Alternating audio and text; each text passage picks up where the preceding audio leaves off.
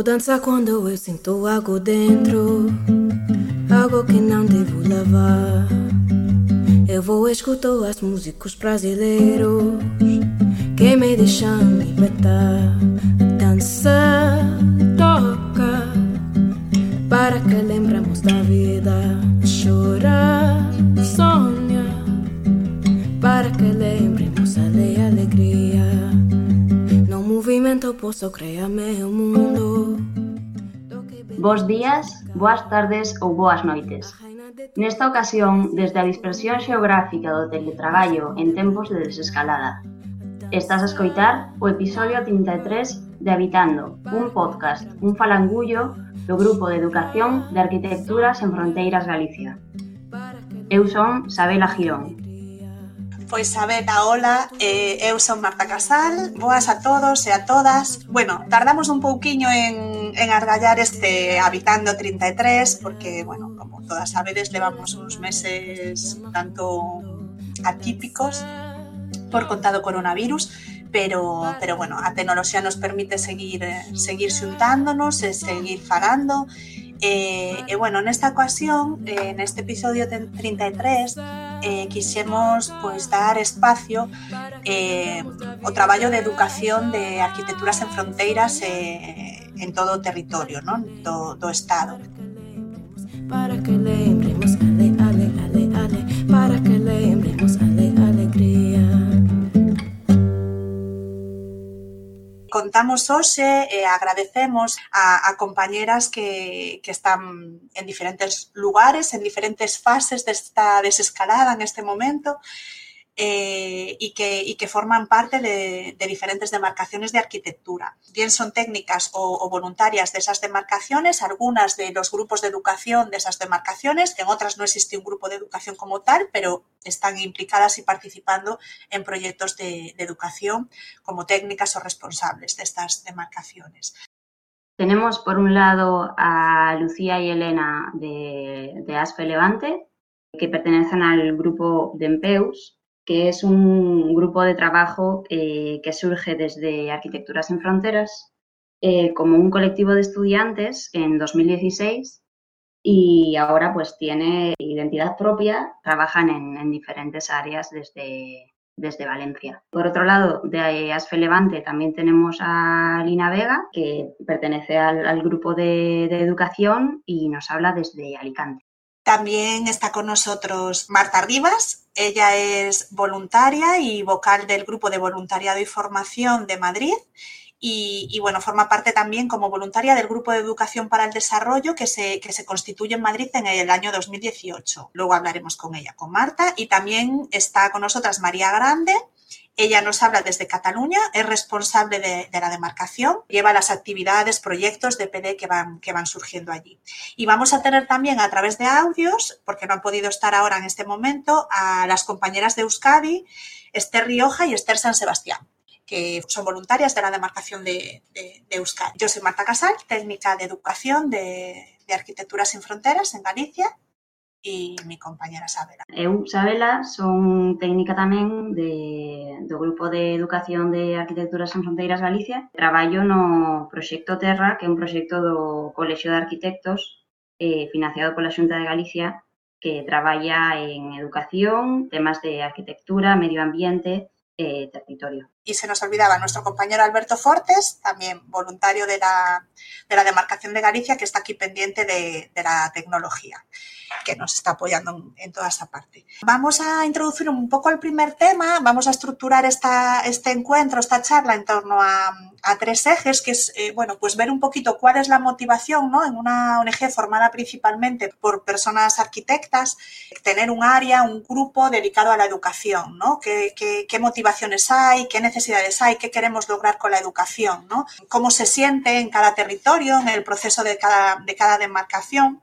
ver un poquito la diversidad que puede haber dentro de, de Arquitectura sin Fronteras respecto a, a, cómo enfocamos la educación o en qué diferentes momentos podemos estar, qué puntos en común tenemos, ya que, bueno, es un área más pequeña dentro de nuestra organización, en relación a áreas con más trayectoria, ¿no? como puede ser la cooperación internacional o la cooperación local pero que es un área que, está ahí, que, creemos que cada vez bueno, pues, eh, va, evolucionando, vamos aprendiendo y que es fundamental en el desarrollo del trabajo, de la misión y de, la visión de Arquitecturas sin Fronteras. Entonces, bueno, podemos abrir, si os parece, con, este primer tema de cuál es un poquito la motivación que nos llevó a, meternos en este ámbito. Eh, y podemos empezar por las compañeras de Valencia, con, con Lucía, Elena. Hola, buenas. Eh, yo soy Lucía. Bueno, nada, simplemente comentar un poco el principio. Eh, Isabela, gracias por tu presentación. solo que es un poco al revés, ¿no? DEMPEUS es un colectivo de estudiantes que surge de forma espontánea, pero luego busca respaldo en una ONG como Arquitectura Sin Fronteras. Y entonces, a raíz de eso, a lo largo de estos tres años, pues ya se ha ido formalizando y se han hecho se ha convertido en un grupo de trabajo de educación para el desarrollo dentro de Arquitectura sin Fronteras.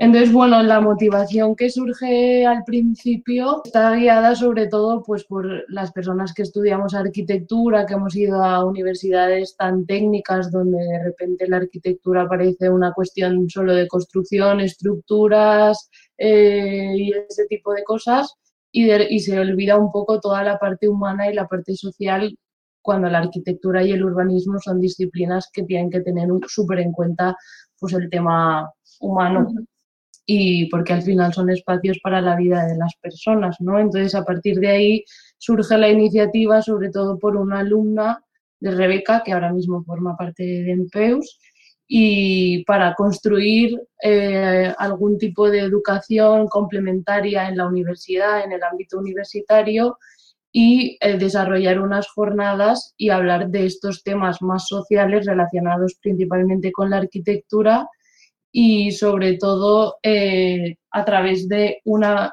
bueno, en la Universidad de Valencia hay un centro que es el Centro de Cooperación y lo que pretende precisamente es eh, promover este tipo de cosas y ayudar a nivel con becas y cosas a los, a los estudiantes para que puedan desarrollar este tipo de, pues eso, de motivaciones. Entonces, con una beca de la universidad se empiezan unas jornadas y entonces así empieza como a surgir este grupo de educación para el desarrollo. Y de repente empiezan a aparecer nuevas personas que se van uniendo al grupo motivadas siempre por lo mismo, porque buscan cosas diferentes relacionadas con la arquitectura.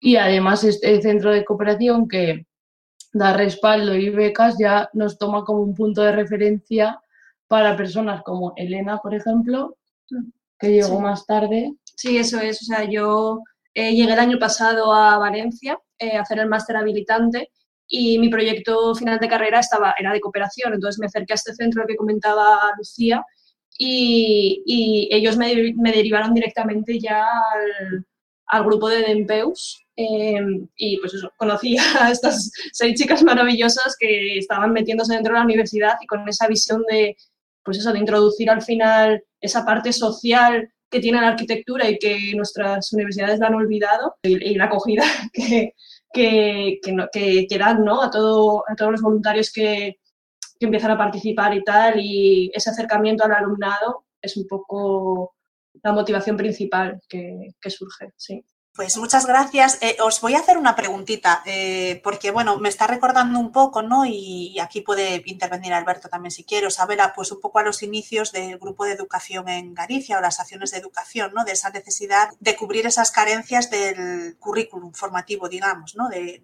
la visión de la arquitectura desde, desde la universidad, desde esa perspectiva tan técnica, olvidando otras dimensiones, ¿no? Y, me gustaría saber un poquito cómo es la receptividad del alumnado, cómo percibís en la universidad si percibís que hay una demanda, una distancia grande entre lo que se ofrece y lo que el alumnado está, está demandando en relación a esto que decís, ¿no? De una visión más social y humana de, de una disciplina, bueno, que es técnica, pero no solo.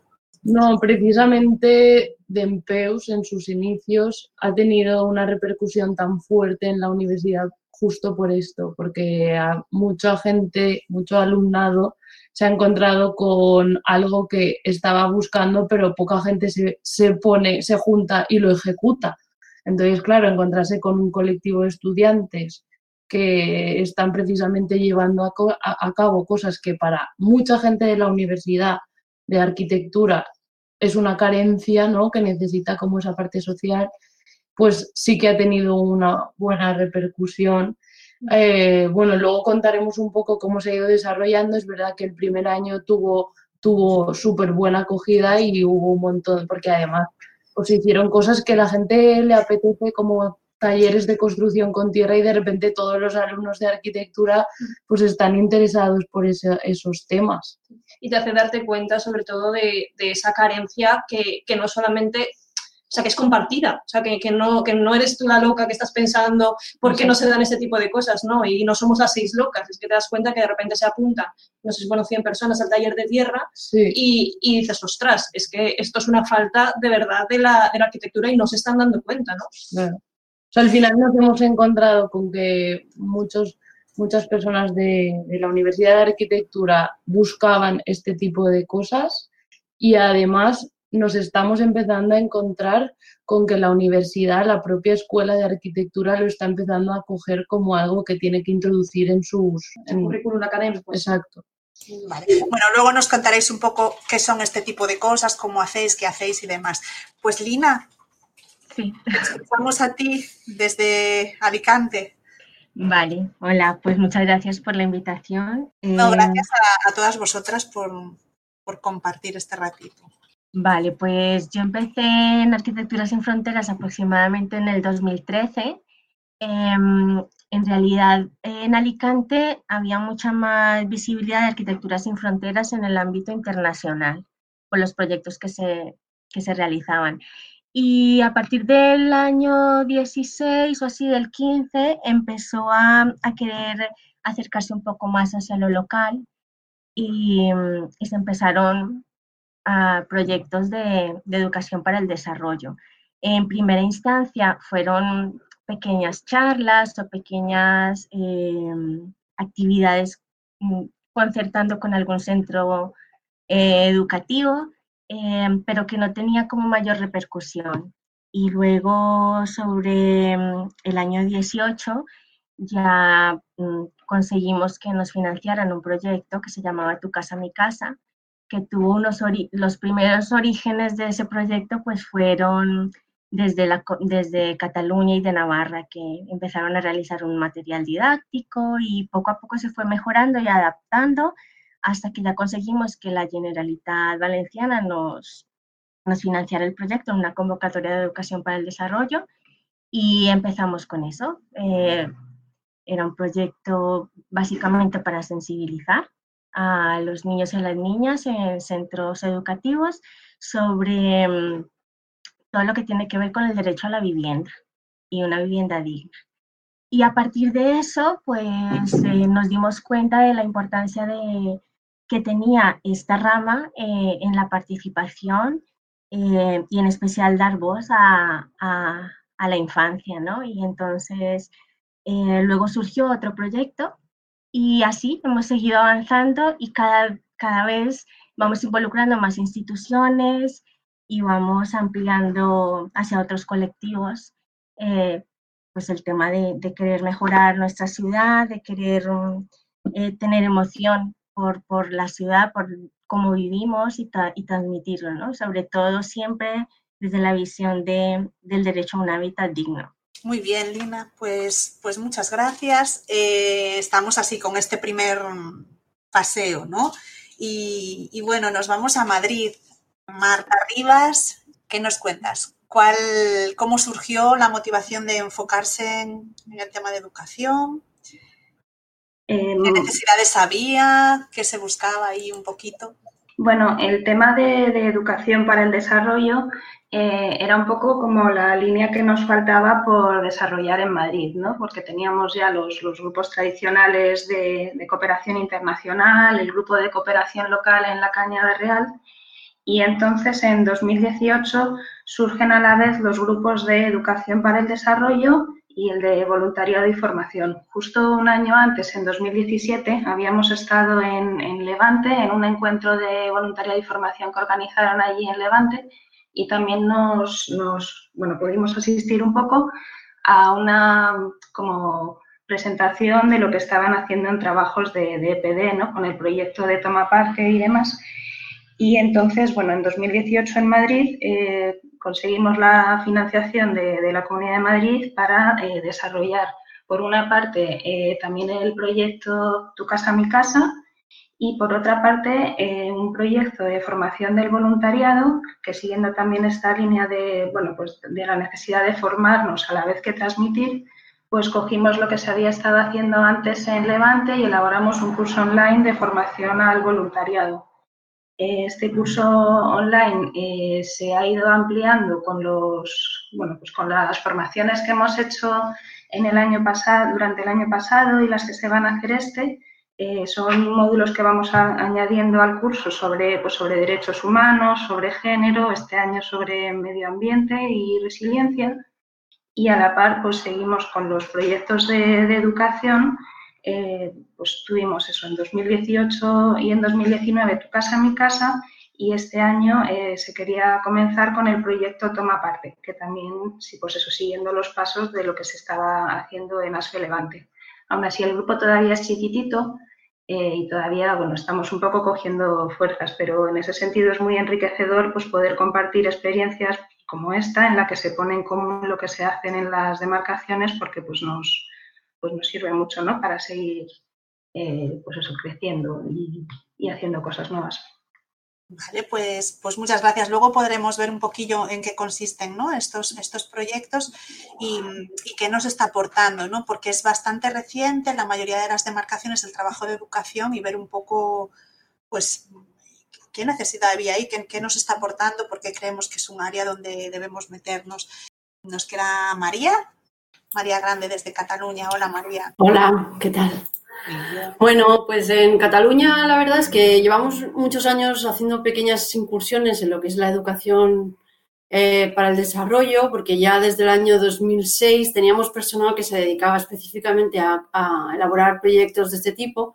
Lo que pasa que, bueno, ha tenido muchas fases con la crisis, eh, se perdieron los equipos, volvieron a aparecer, etcétera. Pero la educación al final eh, la hemos tenido siempre muy presente como una tercera pata de, de ASFE en general y porque la hemos considerado siempre o siempre lo hemos tenido muy presente que era una herramienta básica para la transformación social. Entonces, ha habido épocas en las que había mucho volumen en la, en la demarcación y otras épocas en las que como ahora está mucho más tranquilo. En este momento eh, eh, sacamos adelante cursos online que, bueno, eh, teniendo en cuenta la situación, ha, sido bastante pertinente. Ya están yendo muy bien ahora mismo porque, bueno, al estar la gente en casa, pues ha habido más oportunidad para, para dedicarse a cursos de este tipo. Y lo que se trata también es que con estos cursos o, bueno, las acciones que hacemos, eh, en realidad es, es, generar conciencia de una realidad mundial que es lo que hace que luego la gente tome parte ¿no?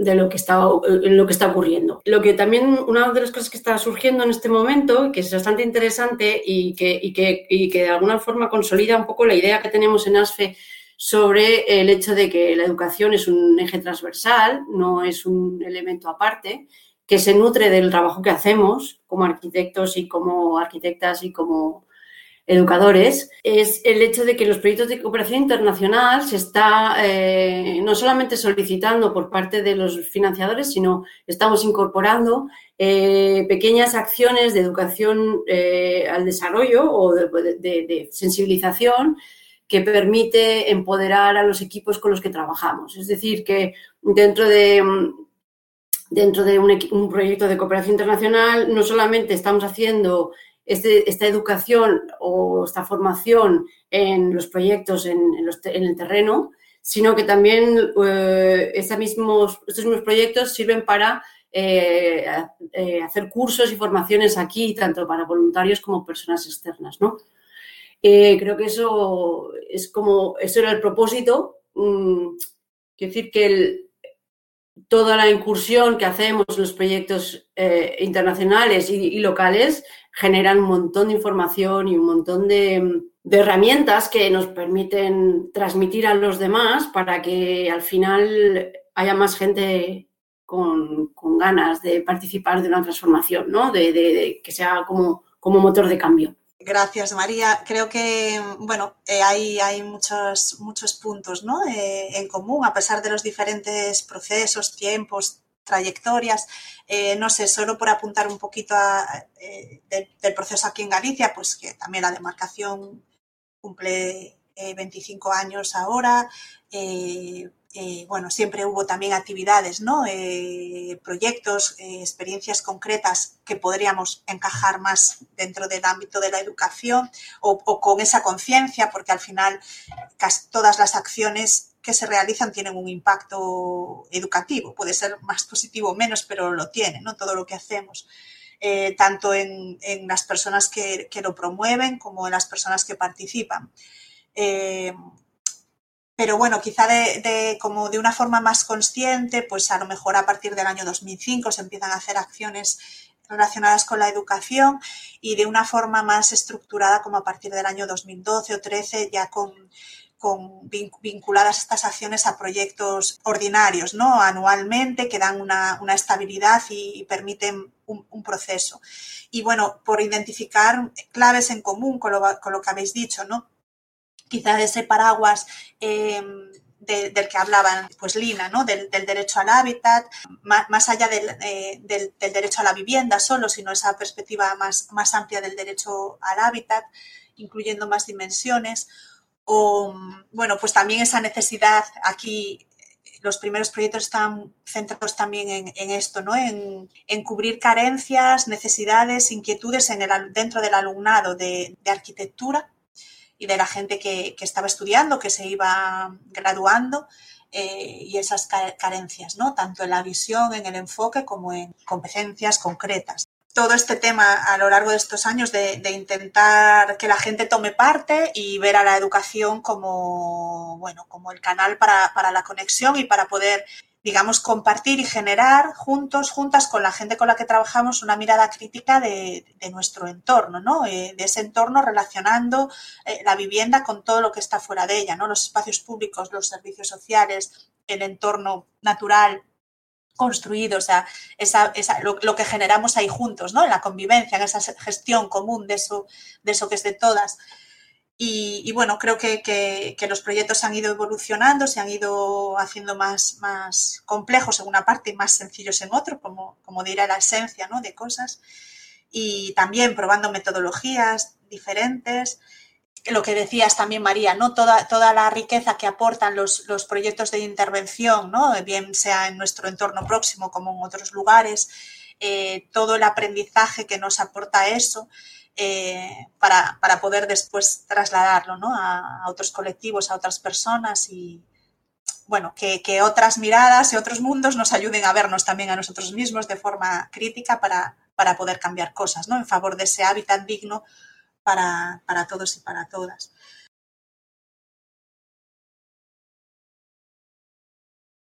No sé si queréis que entremos ahora un poquito más en, detalle de, cómo estamos intentando hacer esto. ¿no? Los caminos son muchísimos, las formas, las metodologías, podemos trabajar con medium actores, eh, por dónde estamos yendo en cada sitio, en qué nos estamos centrando, por qué, por qué hemos elegido eso, hablar un poquito ¿no? de qué dificultades encontramos, qué estamos aprendiendo. Pues vamos a entrar un poquito en qué estamos. Le doy la palabra a las compañeras de Lucía y Elena. Bueno, nosotras un poco, eh, bueno, habíamos pensado en contar más de qué estamos ahora mismo, un poco cómo hemos ido evolucionando y qué, y qué es lo que se ha ido haciendo, ¿no? Y, y, nada, pues al principio de todo, cuando surge de Empeus, que se, iniciaron, se hicieron las primeras jornadas, eh, se desarrolló como un proyecto de habitabilidad básica em, para, y, entonces se contactó con otras asociaciones, por ejemplo, con la plataforma de afectados por la, por la hipoteca, y para seleccionar una familia a la que rehabilitarle eh, su vivienda. Esto lo digo porque al final nosotras hemos funcionado de, de tal manera que nuestras, nuestros proyectos de educación para el desarrollo eh, surgen de los proyectos a nivel local o internacional que se están llevando en la demarcación. Por ejemplo, este de la habitabilidad básica luego permitió hacer unas jornadas en la Escuela de Arquitectura, bueno, en la universidad, y pues eso, sobre temas más sociales o charlas de patologías, eh, arquitectura y sociología, arquitectura y psicología, o sea, a través de un proyecto se generaban pues las jornadas de educación para el desarrollo. Luego al año siguiente, por ejemplo, pues con el proyecto de internacional que llevamos aquí en Levante, en Valencia, que es en Nicaragua y es la construcción de comedores sociales en escuelas eh, para el fortalecimiento de la seguridad alimentaria. Pues a través de, de pretender visibilizar ese proyecto, pues se desarrollaron unas jornadas centradas pues en la infancia, porque el proyecto va dirigido a la infancia, entonces volvimos a generar red de contactos, invitamos a Save the Children, a UNICEF, para hacer unas jornadas de los derechos de la infancia. Luego se trataron temas de género, participación, sostenibilidad, porque el género está muy, muy relacionado, o sea, muy presente en este proyecto de las cocinas, porque quien cocina son las mujeres, etcétera, ¿no? Entonces, bueno, los primeros años se hacía de una forma más abierta, pues organizar charlas y que viniera quien quisiera. Y luego en Dempeus 3. Sí, en, Dempeus 3.0, bueno, sí que hubo unas jornadas un poco similares, pero o sea, con esa misma visión de visibilizar los proyectos que estábamos llevando a cabo desde nuestra demarcación. Eh, en este caso se centró más en la cooperación local, que es eh, dentro del proyecto de la Casa Nueva, que seguimos activas y que, es bueno, un, centro de, donde viven eh, personas eh, inmigrantes em, que no tienen acceso a, vivienda.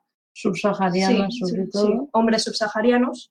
Y, y, en esas jornadas pues también invitamos a, desde CEAR como Valencia Refugee, que es uno de los colectivos que trabaja con ese mismo grupo, generando también esa red de contactos y sobre todo pues dando esa potencia ¿no? a, a, invitar a otras disciplinas a nutrir nuestros proyectos. O sea, que, que, era como al final un, damos a conocer el proyecto, pero también estas charlas nos ayudan a reforzarlo y a darle mucha más fuerza de, de la que tiene. Y, y, de, de, este tipo de, de jornadas, eh, este año hemos conseguido dar un salto porque el propio Centro de Cooperación del que hablábamos al principio nos, nos llamó para poder realizar un curso que permitiera formalizar eh, esta entrada en, en, la universidad. Entonces, este año hemos estado eh, realizando un, un curso que era Arquitectura y Cooperación, y, era, claro, al ser mucho más formal, pues ya teníamos un grupo de alumnado mucho más fijo, eh, a los que les otorgábamos un certificado y dejamos un poco también centrarnos en proyectos tan, tan de nuestra demarcación para abrir un poco, pues eso, invitamos desde eh, ASFE Galicia para que contara el proyecto de Guatemala, desde Madrid el de Senegal y desde ASFE Cataluña, pues también el proyecto de Mozambique, entre otras muchas cosas pero eh, pues eso, y también como siempre desde esa visión al final de que como si fuéramos alumnas de nuestros, alumnas de nuestros propios cursos, sí, eh, intentando hacerlos como lo que nos hubiera gustado haber recibido eh, durante, durante la carrera. ¿no? Esa es como un poco la visión y el trabajo que tenemos en educación para el desarrollo nosotras. O sea que al final es un poco lo que decíamos de la motivación del principio. Pues nosotras nos hemos ido desarrollando porque hemos hecho lo que nos gustaría que hubiesen hecho para nosotras, que viene todo un poco de ahí. Bueno, pues eh, no hay mayor motivación, ¿no? O sea, quiero decir que hacerlo desde las propias necesidades, mm, que entiendo que hay, claro, se genera una energía y, que, y que vosotras mismas, ¿no? De alguna manera eh, ver esa educación no como algo para otros, sino para nosotros mismos, también para transformarnos nosotras y, nosotros. Y ahí un poco pues lo que tú nos preguntabas al principio, pues al final cuando tú estás creando algo que tú misma quieres disfrutarlo, esa energía también transmites a la gente y atraes mucho más público porque se genera un contacto mucho más pues íntimo y pues de relación con las personas que les estás transmitiendo lo que a ti más te motiva. Claro, sí, sí, sí, claro, y que, y que responda a unas necesidades reales, ¿no? O sea que, bueno, me parece, creo que, es eso, que son procesos que, que, llevan mucha energía, ¿no? Que se nota, se os siente al, al, contarlo y, que está dando respuesta a, las, a vuestras propias necesidades, ¿no? Como, como profesionales o al, al alumnado y, y, que a la vez sois, pues, lo, un poco lo que nos estamos centrados aquí, de la formación de los multiplicadores, ¿no? De esas personas que después desde su tarea profesional, bien en el ámbito de la educación, de la mm, intervención social, del urbanismo, de la arquitectura, van a poder incorporar esa visión, ¿no? Tanto del derecho a la vivienda como del derecho al hábitat, como de, la gestión social de, del entorno, ¿no? De los lugares que nos damos para vivir y para convivir bueno, creo que, la motivación es muy, muy potente cuando surge así. ¿Algo más? Eh, ¿O habíais terminado? Perdona que me metí, Lucía y Elena. No, en realidad más o menos hemos contado todo. Eh, simplemente ahora estaba pensando que también has comentado al principio de, pues, ¿con qué dificultades os habéis encontrado? Bueno, pues en realidad siempre salen dificultades, sobre todo cuando pues eso, eres novata en el tema y una anécdota pues muy graciosa es que cuando en una de las cosas que hicimos para visibilizar el proyecto de Nicaragua fue hacer un taller de construcción con tierra y hacer el prototipo de cocina mejorada, que es lo que se va a hacer allí en, en Nicaragua.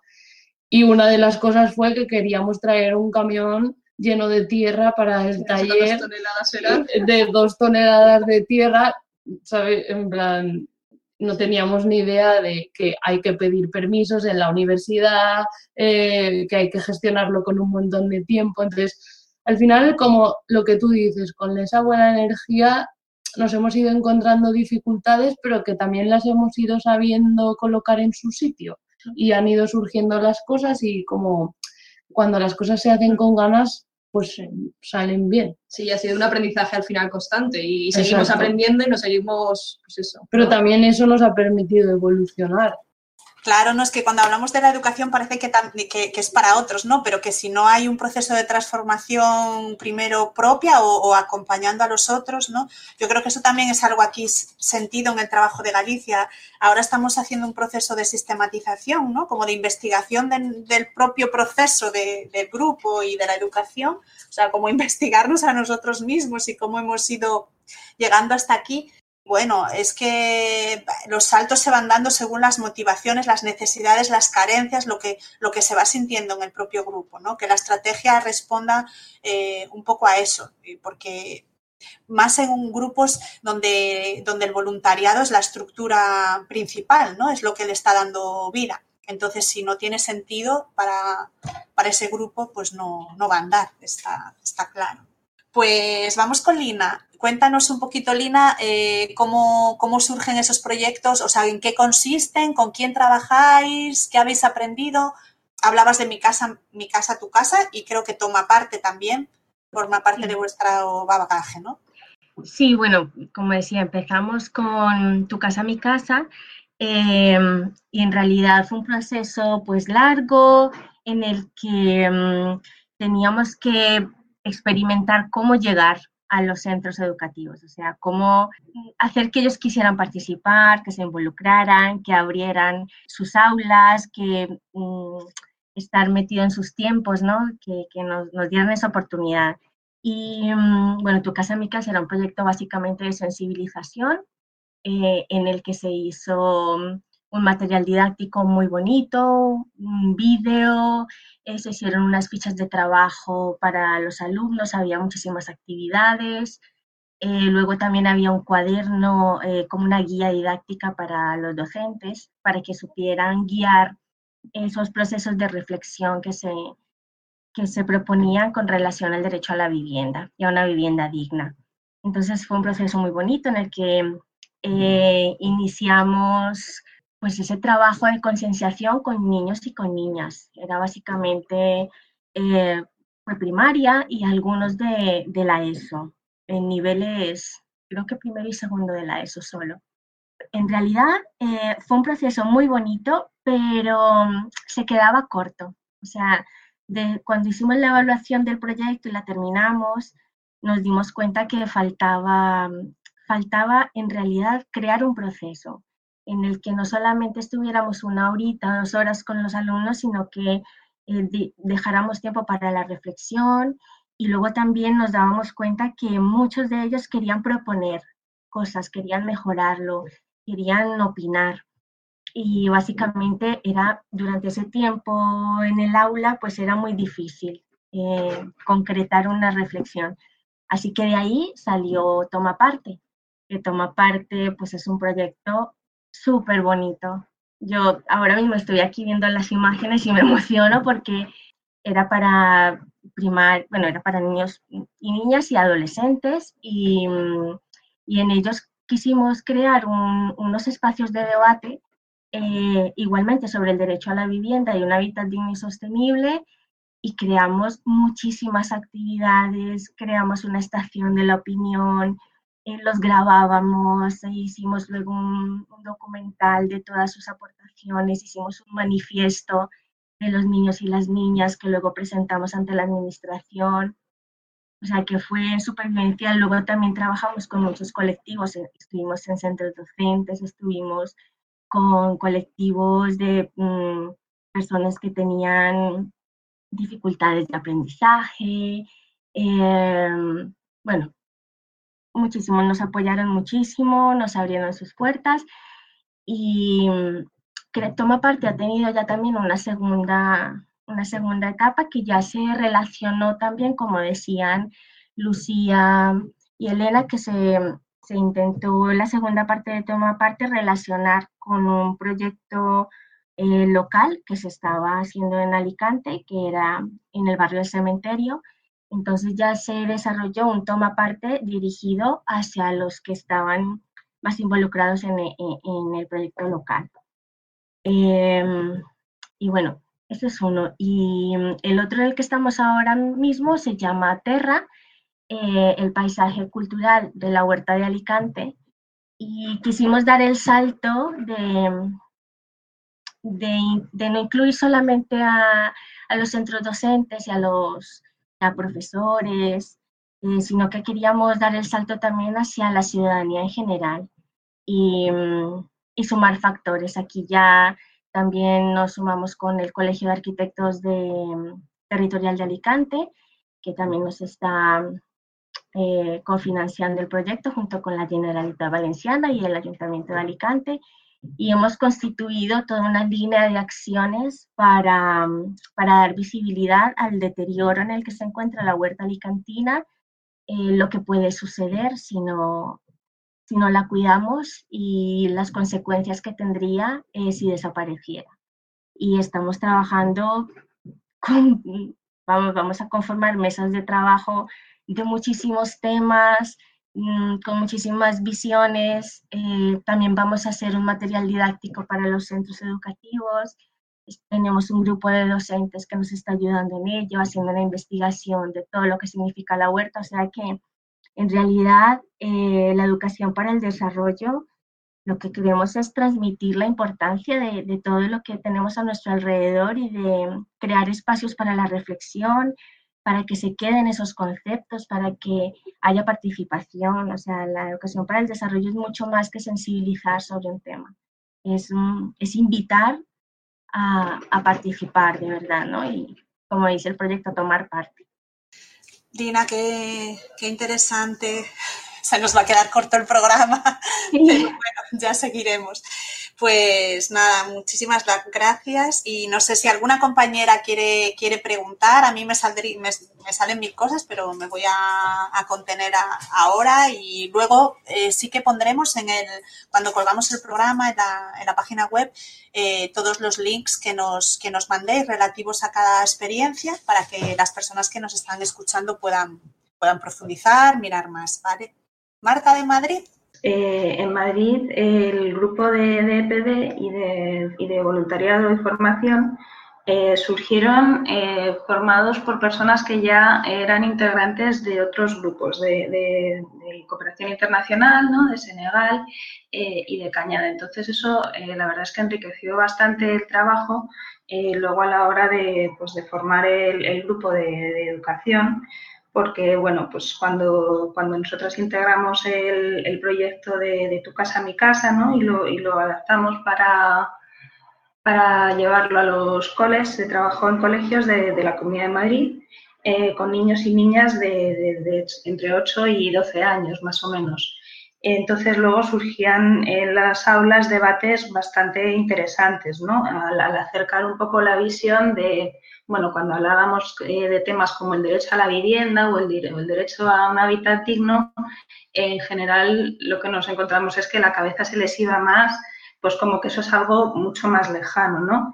Eh, y era muy interesante, bueno, pues poder acercar la realidad a través de, pues de este material tan bonito que habían elaborado en Levante o de poder compartir, por ejemplo, pues lo que se, lo que se hace eh, en la Cañada Real, ¿no?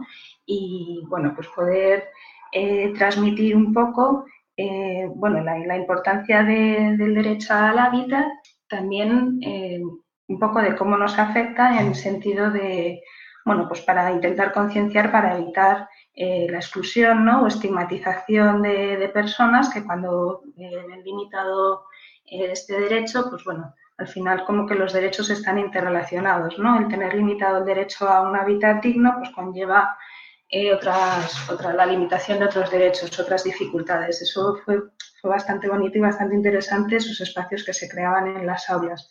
Y nos pasó un poco también como estaba comentando Lina, igual que en Levante, que terminaban las sesiones y como que los, chicos se quedaban con ganas de, como de seguir, ¿no? De, bueno, ¿y ahora qué? O, como, ¿y qué puedo, qué puedo hacer yo respecto a esto, no?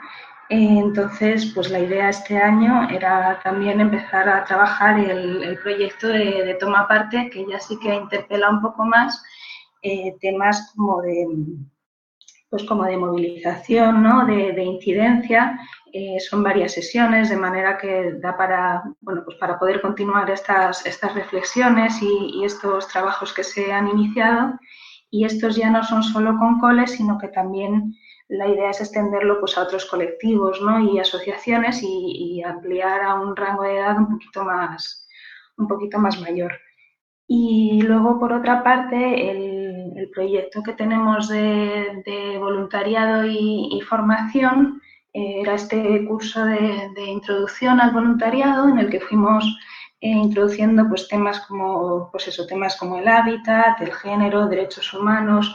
Eh, hemos ido contando con, bueno, pues con formadores que nos han ido apoyando para realizar esta, esta formación, un poco con idea de poder dar una mejor acogida tanto a las personas voluntarias que se quieren incorporar, ¿no? que en Madrid tenemos eh, un montón de solicitudes eh, todos los años, como también poder ofrecer una herramienta a nuestro voluntariado para poder mejorar capacidades y, y como mejorar eh, intervenciones.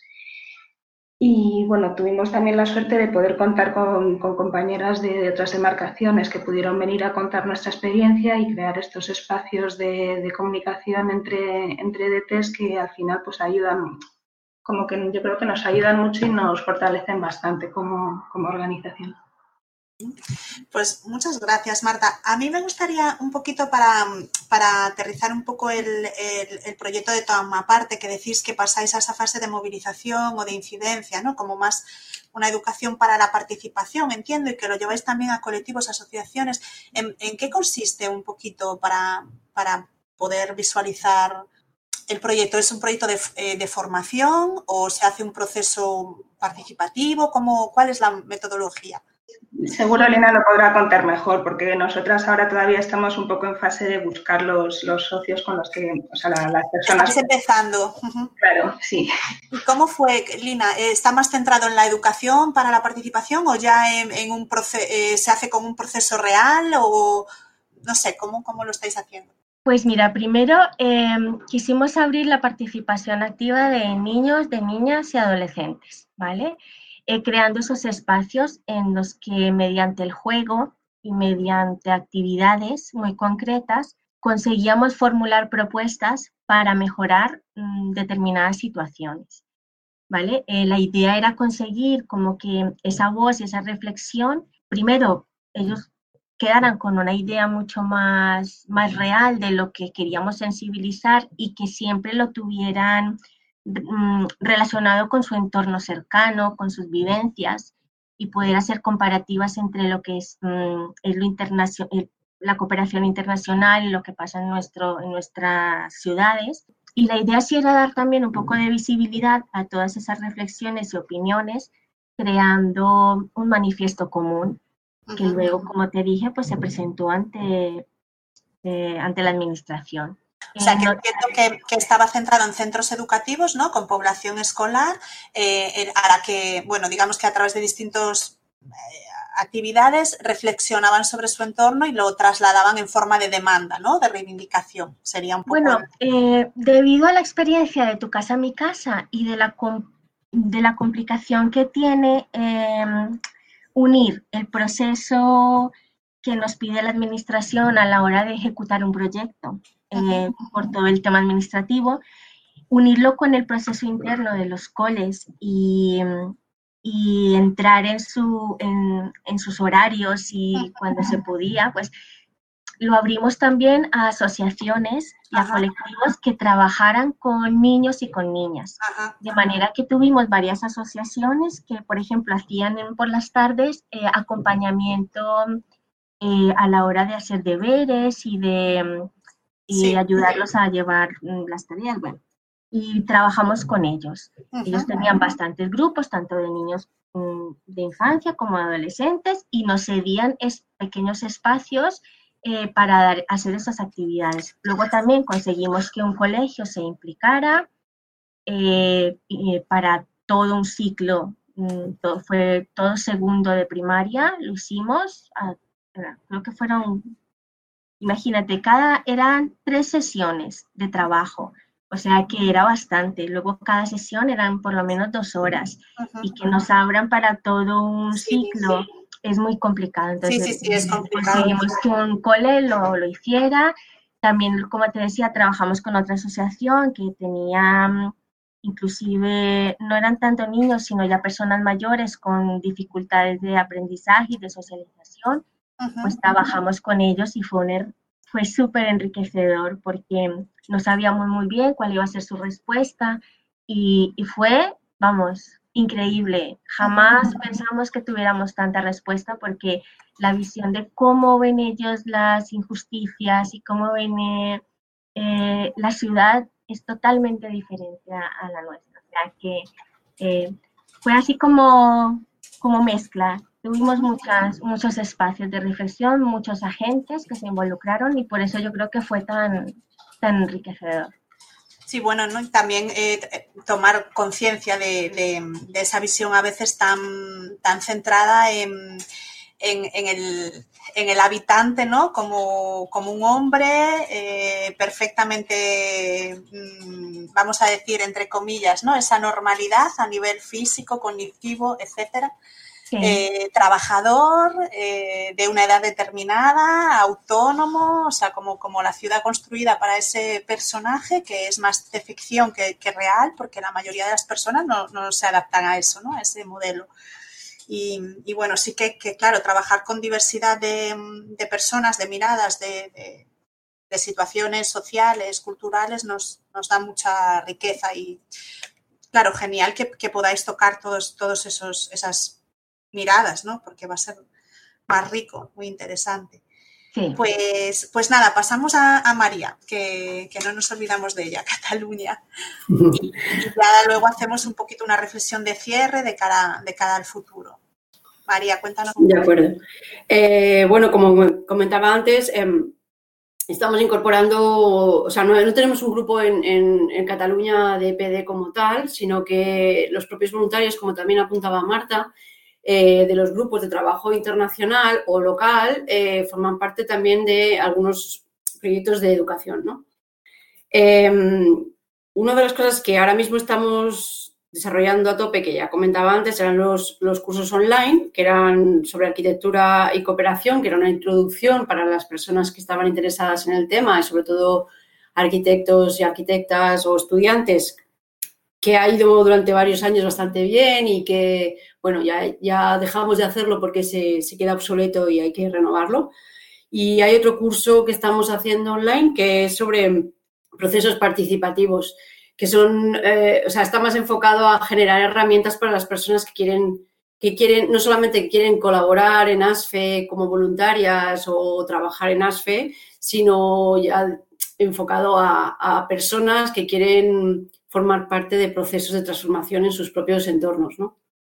Em, al final, al final eh, estos son generar unas herramientas que, que sirven para formar a algunas personas, que estas personas se, seguirán formando a otras y que esto se, se, se expanda, ¿no? Como, como, como, cuando crece una semilla y se hace más grande y entonces esa planta da más semillas y etcétera, ¿no? O sea, es una forma de, de, de transmitir ideas y reflexiones y, um, ¿cómo decir? Um, perdón. Um, sobre todo lo que tiene que ver con el trabajo que estamos haciendo, ¿no? O sea, que la arquitectura, Arquitectura sin Fronteras ya no es una sola, no es solamente una asociación que construye, sino que además genera alrededor de sus construcciones eh, eh, formaciones, sensibilizaciones, campañas, etcétera. Entonces, eso nos obliga a que, o eso es lo que vemos desde Cataluña, es que nos obliga a, a tener más conocimiento sobre otras cosas, ¿no? Que tienen que ver con el hábitat que compartimos con otras personas, otras culturas o los que compartimos aquí. Por lo tanto, eh, tanto el urbanismo con perspectiva de género como la sensibilización por las barreras arquitectónicas y, los problemas que tienen las personas con diversidad funcional, como participar en los, debates en torno a, la vivienda o a, un hábitat digno, que, sumándonos a todo lo que está pasando aquí en Barcelona, que es bastante activo en este aspecto, eh, esto nos permite tener mayor capacidad de diálogo dentro de estos entornos de debate y mm, también que los voluntarios, como también decía Marta, eh, se, formen para que puedan seguir participando de los proyectos que hacemos con mayor conocimiento. ¿no? Entonces, al final, ya no hay un público objeto de, estas, de, esta, de estos programas de educación, sino que acaba siendo un poco la formación para todos, incluso los que trabajamos, ¿no? Mm, digamos que cogemos los temas importantes que están están surgiendo con los proyectos que hacemos para utilizarlos como base de una, formación, un debate, una reflexión, etcétera, y que eso nos vaya haciendo crecer eh, como profesionales y como voluntarios. Eh, hay una cosa que, que, dentro de todo este proceso de, educación al desarrollo eh, que yo considero importante es que tenemos un reto aquí que es entrar en los, en los centros educativos. Como habéis hecho comentarios otras compañeras, ¿no? que trabajáis más en estos centros educativos, para nosotros es un reto total. O sea, creo que ahí, ahí mm, es la base de la transformación social. los niños y las niñas están con ganas de, de, conocer lo que, lo que ocurre fuera y las pocas incursiones que hemos hecho en las escuelas, dando una charla o explicando situaciones particulares relacionadas con nuestros proyectos, ha sido súper gratificante y creo que si nos dejaran la puerta un poco más abierta las escuelas y los centros de formación, universidades, sería, sería muy interesante poder eh, desarrollar proyectos al nivel de, los, de estos centros, pero, pero un poco en la línea de lo que estamos haciendo ahora, ¿no? Para que las personas puedan tener capacidad de decisión y, de, y de defender sus derechos, sobre todo. Gracias, María. Pues la verdad que, bueno, haciendo así un repaso, fui tomando nota de las cosas que decíais, ¿no? Y voy a enganchar para cerrar un poquito este bloque con, algunas ideas que creo que han sido, pues eso, a pesar de la diversidad de tiempos, de procesos, de, diferentes contextos en los que estamos, pero que es muy común.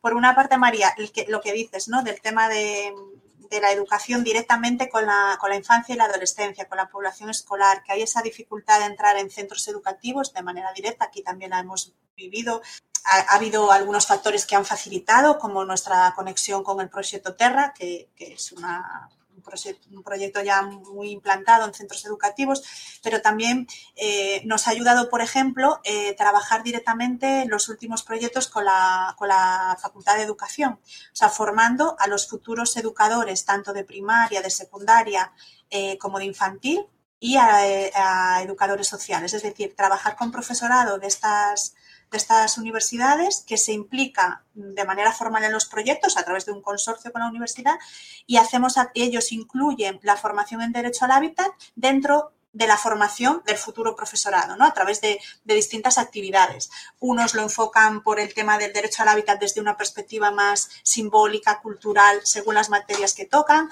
otros desde la perspectiva social, haciendo cartografías sociales de la ciudad, emocionales, y nosotros hacemos las sesiones em, introductorias donde compartimos un marco teórico común con todo ese alumnado. Es decir, hay una visión común de lo que es el derecho al hábitat, sus dimensiones, sus enfoques transversales, de lo que es la gestión social del hábitat. Bueno, algunos aspectos claves que nos interesa que tengan, porque es verdad que ese futuro profesorado y esos futuros educadores sociales tienen una visión del hábitat muy limitada a los aspectos físicos. Eh, y entonces no ven tanto su, su, posible papel en la difusión del derecho al hábitat, porque lo ven como algo eh, fuera de su ámbito de trabajo, ¿no? Cuando está totalmente conectado. Entonces, vamos ahí como a, dejar esas semillas y luego el propio profesorado va desarrollando actividades, ¿no? Eh, a lo largo del, curso y del propio currículum. Entonces, bueno, es una forma de, de, eso, de llegar a los multiplicadores si no podemos directamente a los niños, ¿no? Y que podrá tener más impacto.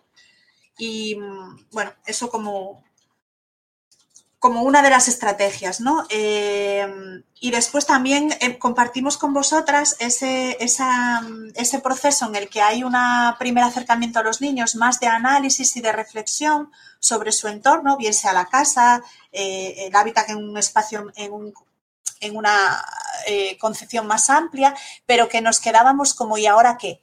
¿No? Porque los niños proponen y los niños querían hacer y transformar, ¿no? Entonces, bueno, ahí fueron surgiendo otros proyectos que podrían ser quizá eh, similares a, la necesidad del toma parte, que aquí se llamaban, eh, se llaman participar para transformar y una segunda fase, participar para cuidar, donde fuimos incluyendo, bueno, pues el enfoque del ecofeminismo, etcétera, y, que también responden un poco a eso, ¿no? A, nosotros, eh, la necesidad del grupo de desarrollar capacidades, conocimientos para educar para la participación y de ver cómo esto era recibido y cómo se podía implementar dentro, en este caso de un instituto en el que llevamos tres, cuatro años trabajando, eh, bueno, qué, cómo podemos eh, integrar la educación para la participación en un espacio tan rígido como un instituto, con un currículum y con tantas limitaciones a la participación, porque esa es la realidad de los centros educativos, ¿no? donde la participación se ve reducida a cosas muy simbólicas, vamos, es casi inexistente. Entonces, bueno, entrar en conflicto, ¿no? Aún en un centro súper acogedor y abierto, es muy difícil de integrar eh, esto, ¿no? Y estamos ahí en, bueno, pues en ese, en ese proceso de, topar con los límites y de ir buscando brechas, ¿no? Incluso el propio profesorado a, esto, a queremos eh, adultos eh, que innoven, que sean resolutivos, que encuentren soluciones a las demandas ¿no? de, este, de este mundo que nos reta tanto, eh, pero no les dejamos decidir nada, no les dejamos proponer, no les dejamos transformar. ¿no? Bueno, no me, no me enrollo más con esto solo, solo el sentimiento de que, de que hay procesos muy, muy, muy, paralelos y supongo que entre nosotros y entre muchas otras organizaciones ¿no? que estamos dedicadas a la, a la educación para el desarrollo y en, y en procesos muy parecidos y creo que, nada más, que quedaría como la, entrada pues un poco a la última reflexión, a, cómo veis el futuro, dónde os gustaría focalizaros o dónde veis la necesidad, ¿no? A lo mejor no lo vemos viable, pero decir, pues sentimos que ahora el reto de la educación o lo que podemos aportar desde la educación en este momento tan, tan complejo y tan tan que, desnuda ¿no? todas las contradicciones de este sistema, todos los retos a los que nos estamos enfrentando y que este virus ha puesto patas arriba tantas, tantas cosas que nos están así mirando a la cara y decir, a ver, ¿vamos a ello o no? ¿no? Y, cuál podría ser el papel bueno, de una ONG como Arquitectura sin Fronteras a través de nuestros proyectos de intervención y de, y de educación. Pues te doy la palabra a, a Lucía, Elena. Vale, eh, bueno, un poco también aprovechando lo que, pues lo que estabas comentando ahora de, pues de que el profesorado es súper importante para, todas estas cosas Y bueno, y también lo que decía María, que le parece un reto súper súper fuerte meterse en los centros educativos y las universidades. Nosotras, claro, hemos tenido la suerte de que como universitarias, o sea, que al final eso se conquista un poco desde dentro, ¿no? Y, y también hemos tenido la suerte de que el centro de cooperación, que no sé si en vuestras ciudades, en las universidades hay un centro de cooperación, pero nos ha facilitado mucho la vida porque su labor es esa, es fomentar iniciativas de estudiantes que quieran visibilizar y, hacer este tipo de cosas. Entonces, bueno, nosotras un paso, un paso siguiente que hemos dado también, que en las jornadas que hemos ido haciendo siempre hemos implicado eh, profesores de forma puntual y tal, pero hasta el año pasado no hubo pues como un interés más fuerte por la escuela de arquitectura, pues al principio veían DEMPEUS como un colectivo pero ahora parece que han empezado a darse cuenta que, por ejemplo, pues el tema de los objetivos de desarrollo sostenible es un tema que hay que introducir ya en la docencia. Eh, el año pasado con, con, un profesor, bueno, con un taller de proyectos eh, hicimos unas jornadas, unos seminarios, invitamos a Julián Salas del Instituto de Cooperación y Habitabilidad Básica, entonces hicimos unas jornadas sobre arquitectura y cooperación y ya fue más dirigido a una asignatura Incluso ahora, eh, con una de las profesoras, que es como la responsable de TFGs de la escuela, eh, nos han invitado a DEMPEUS para introducir el tema de los, TF, de los Objetivos de Desarrollo Sostenible en los TFGs, que es una de las asignaturas más transversales de la universidad. Entonces, de repente, bueno, pues poquito a poco los profesores ya van viendo la importancia y, y, ya vamos a incidir un poco a nivel profesorado y que se impliquen ellos y que ya es, lo que, no sé, el esfuerzo vaya dirigido a convivir con asignaturas de la propia escuela. Incluso estamos organizando eh, para hacer una exposición en la que se vinculen estos TFGs con objetivos de desarrollo sostenible y que los proyectos de arquitectura eh, y luego ya pues estas cosas, de repente pues hace unas semanas nos llegó un correo y nos habían dado el premio de responsabilidad social universitaria en, en, el poli. O sea, Anda, qué bien, enhorabuena. Y, al final pues de repente no, de repente pues te llevas este tipo de sorpresas, así que súper bien. Y, pero pues sí, la importancia del profesorado. Sí, bueno, y ya con la pregunta que, has hecho de la situación actual, eh, creo que nosotras, con los cursos que, hemos dado y, la manera, pues eso, que al final eh, hemos estado trabajando, eh, como que lo tenemos bastante fácil en cuanto a que, pues, por ejemplo, todo el curso de arquitectura y cooperación que, que hemos estado dando este año, como varias de nosotras estamos expatriadas por diversas partes del mundo, hemos conseguido eh, realizar una serie a través de documentos compartidos de poder realizar todas esas, lecciones, esas maneras y hemos organizado nuestra manera de trabajar ya en línea.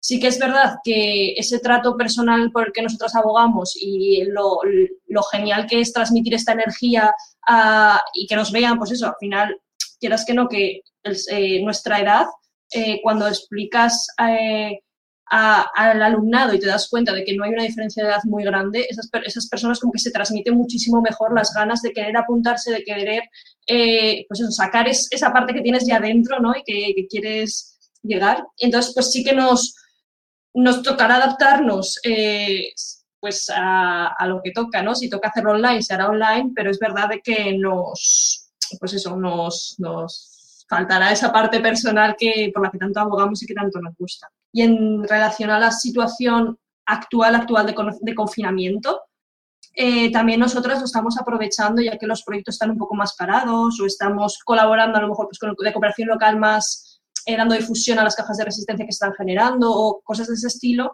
lo que estamos aprovechando es para autocuidarnos a nosotras y poder generar procesos de evaluación. Se está generando también eh, estudios de viabilidad de, para futuros proyectos. O estamos como un poco centrando y aprovechando este tiempo para organizarnos y, que, y medir nuestras fuerzas, ¿no? Y poder ver cómo, eh, cómo podemos mejorar, en que, cómo aprender de, nuestros fallos y aprender de, todo eso. claro. porque lo que comentamos es que la parte, pues al final esto es algo principalmente voluntario, pues todas tenemos nuestros trabajos o nuestras cosas y al final hay veces que entras un poco en la dinámica de decir que sí a todo y te encuentras con varias cosas que llevar y es como un poco pues que hay que tener ahí un plan de, pues, de que hay cosas que a lo mejor hay que decir que no. Que no hay que saturarse, sino que hay que hacer las cosas bien, aunque sean pocas, pero hacerlas bien. Sí, esa coherencia, ¿no? Entre el discurso y la práctica, que vamos como un discurso de género feminista, pero después, venga, productividad, productividad. Tal cual, eso es. Vale, pues muchas gracias, Lina.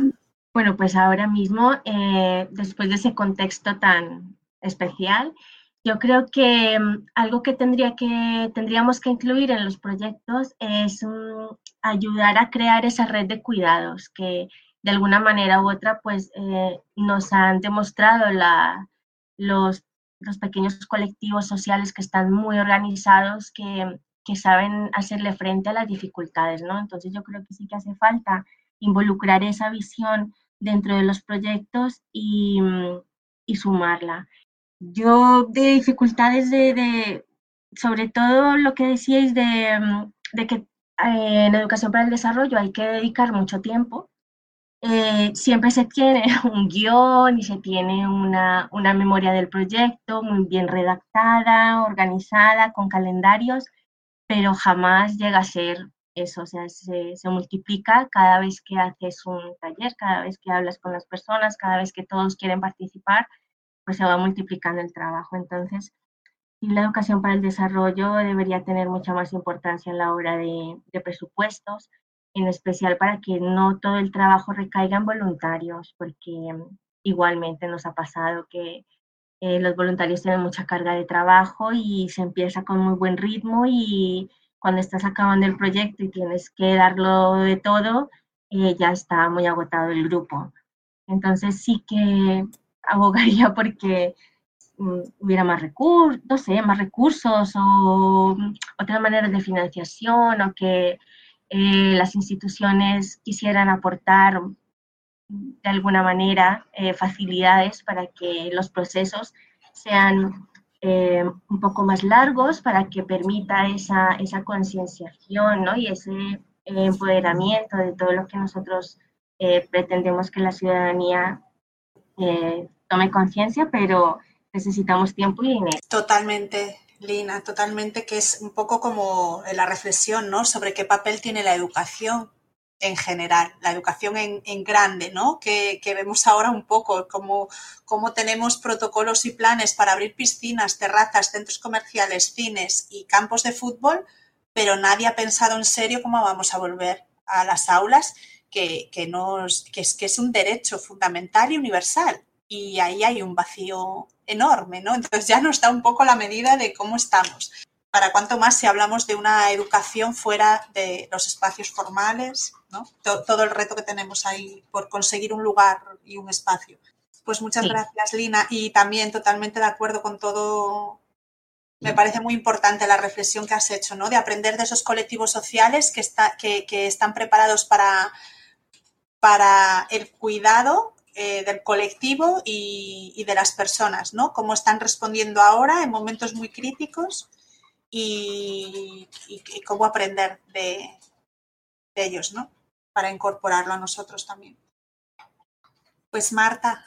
Bueno, yo estoy totalmente de acuerdo con, lo que acaba de, comentar Lina, ¿no? De, bueno, eso, de la importancia de, bueno, de cuidarnos y porque en Madrid también nos está pasando un poco esto que ahora mismo el, Grupo de Educación para el Desarrollo lo está llevando sobre todo eh, pues, personas voluntarias y es una carga de trabajo muy importante y nuestra intención es continuar fortaleciendo eh, esta línea y pues continuar eh, pues la presencia en la ciudad de Madrid ¿no? y el contacto con actores clave, porque esta línea de trabajo de, sensibilización, ¿no? de conciencia de, ciudadanía global ahora mismo, pues parece como más, más importante que nunca, ¿no? que esto de ciudadanía global no sea solo como un apellido de, EPD, ¿no? sino una conciencia de interconexión eh, real eh, un poco para contravertir esta tendencia ahora mismo individualista, eh,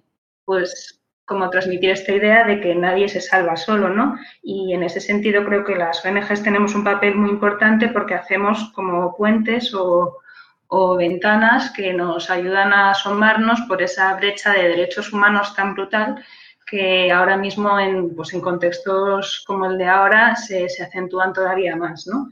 Eh, entonces esa es un poco nuestra, nuestra, nuestra reflexión.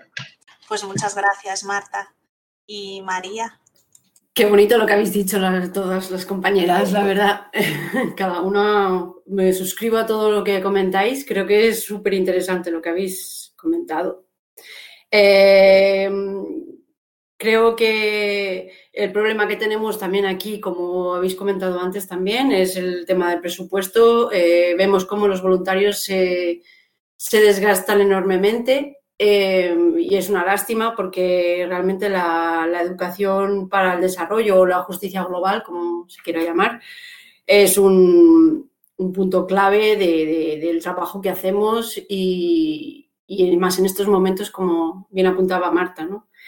Eh, yo creo que en este momento lo que yo veo así para el futuro es intentar crear entornos, eh, eh, informáticos, aquí decir, eh, poder seguir trabajando online de una manera un poquito más, em, no repitiendo lo que ya estamos haciendo en las aulas, sino intentando utilizar las herramientas digitales para poder crear espacios de formación más amables, digamos, que no sean personas, que no sea repetir lo mismo que hay en una clase física, ¿no? No sé si me explico.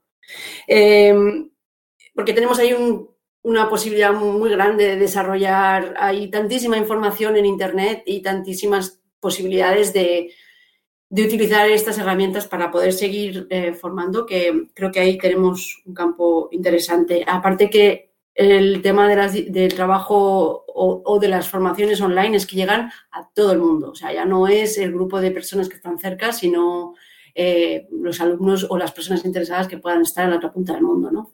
Y eso me parece súper interesante. Creo que vamos a ir un poco por ahí. Eh, nuestro reto también, aparte de lo que había comentado antes, es, estar más presentes en todos los debates que hay ciudadanos, que son muchos, y, bueno, seguimos teniendo este, esta dificultad eh, de, presupuestos, pero bueno, eh, vamos a seguir trabajando en vías de estar ahí no, no perder el hilo de, lo que está ocurriendo en este momento, que es muy importante. Escucharemos también a las compañeras de Euskadi. Eh, para, no olvidarnos, vamos a, escucharlas con, unos audios que nos, han, que nos han podido enviar, porque como os decía antes, no, no podían estar presentes. Hola, buenas. Estamos aquí en ASF Euskadi y queremos hablaros de los proyectos de educación que estamos llevando a cabo y el porqué de los proyectos. Ahora mismo tenemos entre manos una exposición que se llama Arquitectura Consciente. Es una exposición que nos cedió la demarcación de Levante y bueno, nosotros hemos hecho algunos cambios en cuanto a la composición y también la hemos traducido al euskera. ¿Por qué esta exposición? Pues en primer lugar buscábamos un acercamiento de lo que es la labor de ASF, sus valores, sus visiones al público. Y al hablar del público, no queremos centrarnos única y exclusivamente en profesionales de la arquitectura, la ingeniería u otras áreas de trabajo. Buscamos acercarnos al público en general. De ahí que queramos exponer tanto en colegios profesionales, universidades, pero también en colegios y castolas, centros culturales y entidades similares. La exposición se inauguró en octubre del año pasado en la Escuela de Arquitectura de San Sebastián, coincidiendo con la Bienal de Arquitectura de la que la exposición formó parte. A continuación fue a parar al Colegio de Aparejadores de Guipúzcoa y finalmente a la Escuela de Ingeniería de San Sebastián. Un segundo objetivo de esta exposición sería explicar o al menos aclarar en qué consiste un proyecto de cooperación, porque muchas veces asociamos un proyecto de cooperación con llevar a cabo una construcción, ya sea una escuela un hospital en un país tercermundista. Pero un proyecto de cooperación al desarrollo va mucho más allá, porque no se trata única y exclusivamente de intervenir en, en países exteriores, también eh, ASF también trabaja en lo que se llama el desarrollo local, es decir, intervenir en nuestro propio país, en nuestro entorno. Y por supuesto también está la educación al desarrollo y la sensibilización, es decir, concienciar a la gente de nuestro trabajo. Y por supuesto asumir que no somos nosotros los únicos que enseñamos, puesto que allá donde vamos o donde intervenimos también aprendemos de, los lugares en los que intervenimos, los proyectos, de la gente. Todos tenemos algo que aprender y todos tenemos algo que enseñar. Y por último, explicar que, bueno, la demarcación de Euskadi ha estado inactiva en los últimos años, de ahí que a través de la exposición queramos no solo reconectar con el público, sino conectar con ASF, con los proyectos que ha llevado a cabo tanto la demarcación de Euskadi como ASF en general. Y a partir de ahí buscar futuros proyectos, poder continuar con la labor de ASF. Bueno, pues enlazando con lo que comentaba mi compañera Esther, eh, yo os cuento cómo hemos sido pues, un poco capaces de recoger todo lo que se ha comentado, ¿no? Cómo destilar pues, toda esta información y hacer una labor de sensibilización. Nos parecía que lo más adecuado para llegar a cualquier persona, más que hacer una frívola exposición, pues que debía ser más bien a través de una experiencia, ya que creemos que es lo que mejor se nos queda a todos grabado, la verdad. Y por eso, pues eh, al final nos pareció lo más adecuado que para exponer arquitectura, pues que quizás debíamos hacer arquitectura, ¿no? Pero para que pudiera ser itinerante, pues además tenía que cumplir un montón de aspectos. Ser versátil para ocupar cualquier tipo de espacio, ligera, barata, por supuesto transportable y además eh, que la pudiera montar cualquier voluntario, que eso es tan importante como lo anterior. Es por esto que surgió pues la idea de hacer un pabellón. Y es eh, al final el pabellón que surgió, pues eh, resulta ser una instalación pues visitable en la que se ha de recorrer, como quien hace un viaje, pues la trayectoria de los proyectos de ASFE. ¿no? La forma es un poco complicada de decir con palabras, pero digamos que está compuesta por cuatro módulos y que cada módulo tiene forma de casita. Si los ponemos alineados con un pequeño espacio entre ellos, pues acaba cogiendo una forma de túnel y así pues conseguimos el efecto de viaje con nosotros a conocernos, ¿no? que es lo que queríamos. Eh, por otro lado, pues eh, los cuatro módulos lo que cuentan son cuatro bloques temáticos, que el primero está dedicado a pues a qué es ASFE, cuáles son nuestra misión, nuestros valores, el segundo, pues de vivienda, ciudad, etcétera. Eh, el tercero está dedicado a la educación y el último pues, a proyectos relacionados con el ámbito sanitario. Eh, cada módulo, pues, por ejemplo, mide mm, en planta mide más o menos 2 metros y medio por 80 centímetros de ancho y luego tiene una altura de 2 metros y medio. Y están bueno, pues formado por una estructura de tubos de PVC de diámetro de 40 milímetros y unidos con codos de fontanería de varios tipos que nos ayudan a dar rigidez y la forma que queremos a la estructura. Y sobre esta estructura modular pues se apoya una lona impresa que, en cuya cara interior es en la que se ven los proyectos, por eso hay que entrar en el pabellón y además pues de hacernos de cerramiento del espacio y de darle rigidez a la estructura cuando está atado, pues nos hace de eso, de lienzo sobre el que se cuentan los proyectos, con lo cual es, con pocos elementos pues tenemos una instalación que nos parece bastante potente, útil, bueno, como bien aprovechada. Además tiene la peculiaridad de que cada módulo desmontado con su lona, pues cabe en una bolsa de deporte, ¿no? Y lo vemos con mucha facilidad, así que cada vez que lo tenemos que montar en un espacio nuevo, entramos como si fuéramos los Ocean's Eleven, ¿no? Eh, dejamos la bolsa, abrimos, incluso hicimos un vídeo con un time lapse en el cual se nos ve perfectamente qué es lo que ocurre desde que llegamos con las bolsas hasta que nos vamos a tomar una caña una vez, una vez montada la, la infraestructura, ¿no? Entonces se ve perfectamente cómo van creciendo módulo a módulo y, bueno, está divertido y es una pena no poderoslo trasladar ni, mostrar a través de un podcast, pero bueno, ya lo encontraréis a través de las redes sociales. Em, además de, bueno, de montar estos módulos en la expo, em, también solemos poner unas hojas que tienen dos códigos QR, uno para que se contacte con nosotros y otro para que se haga donativos. Con lo cual, todo el mundo que pase por el pabellón pues nos podría simplemente con el móvil contactar de manera inmediata en caso de estar interesado. ¿no? Eh, ¿Esto para qué nos sirve? ¿no? Pues para concienciar a la sociedad, pero también para captar fondos con los que seguir proponiendo proyectos y también voluntarios con los que llevarlos a cabo y hacer de, este mundo, aunque hostigado por una pandemia, pues un mundo más justo para todos, que es lo que es lo que queremos. Y por lo demás, pues bueno, la asociación ahora mismo está resurgiendo y seguramente pues eh, con esta exposición eh, va a dar pie a muchas nuevas ideas sobre las que seguir construyendo eh, pues la actividad de esta demarcación y también en nuevas vías para sensibilizar a la sociedad. Y bueno, pues para concluir, daros reiteradamente las gracias desde ASF Euskadi por la invitación vuestra. Eh, felicidades por el podcast y esperamos poder colaborar mucho más con vosotros en lo venidero. Y de verdad, muchísimas gracias. Un saludo a todos. Y, nada, también dar la palabra, pues no sé, a Isabela y Alberto, si queréis comentar algo sobre lo que han dicho las compañeras o alguna cosilla que se os haya quedado ahí escuchando. Em, no, yo solo, eh, bueno, primero dar las gracias a todas por, haber participado.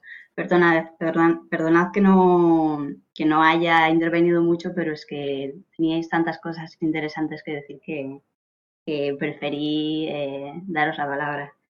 Eh, me gustó mucho ahí atrás que, bueno, a, raíz de lo que contaban Lucía y Elena de, sus inicios con la Universidad de, Valencia, eh, cómo eh, compartíamos cada intervención, se transmitió un poco la, energía, la, buena onda que, da trabajar con, en el entorno educativo, ¿no? Que es cómo nos retroalimentamos en cada actividad que se realiza con, con alumnado y con la, con la comunidad educativa, que al fin y al cabo siempre es algo que, va em, con, el objetivo de, la mejora y, de, de la participación.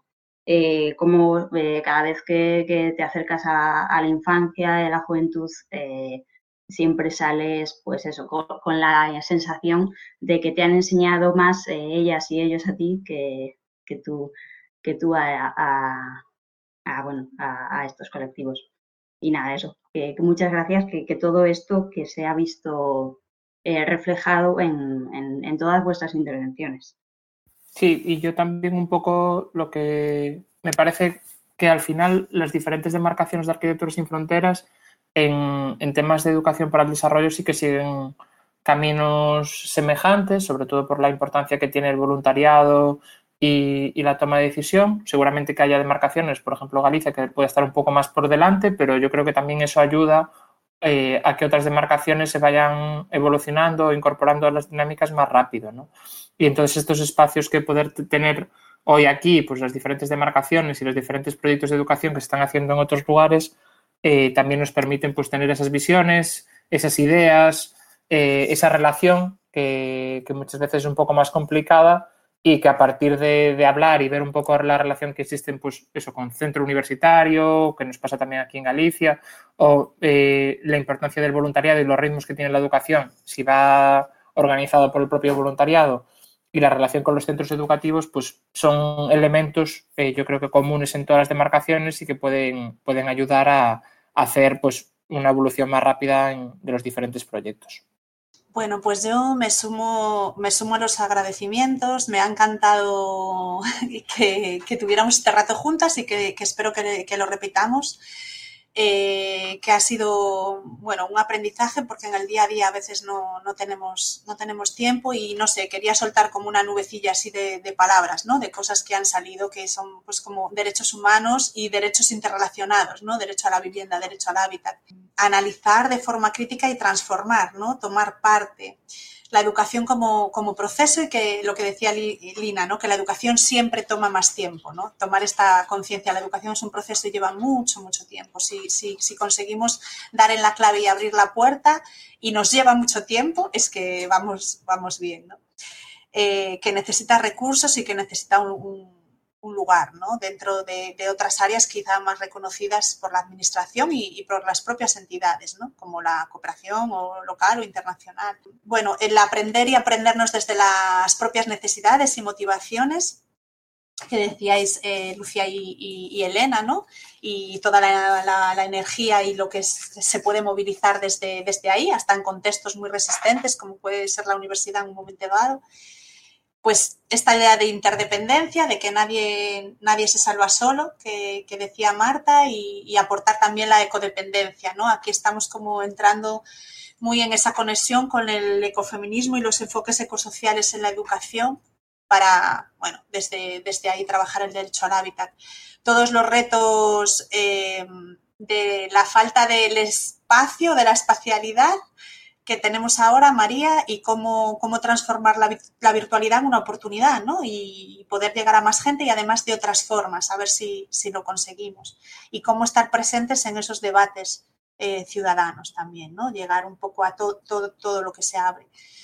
Y, nada, pues eso, agradeceros muchísimo a todas, también a las compañeras de Euskadi que, escucharemos sobre, bueno, están iniciando su, su actividad a través de la, de la, exposición de arquitecturas conscientes que les llega desde Levante y la han adaptado y, vamos a escucharlas a ellas también.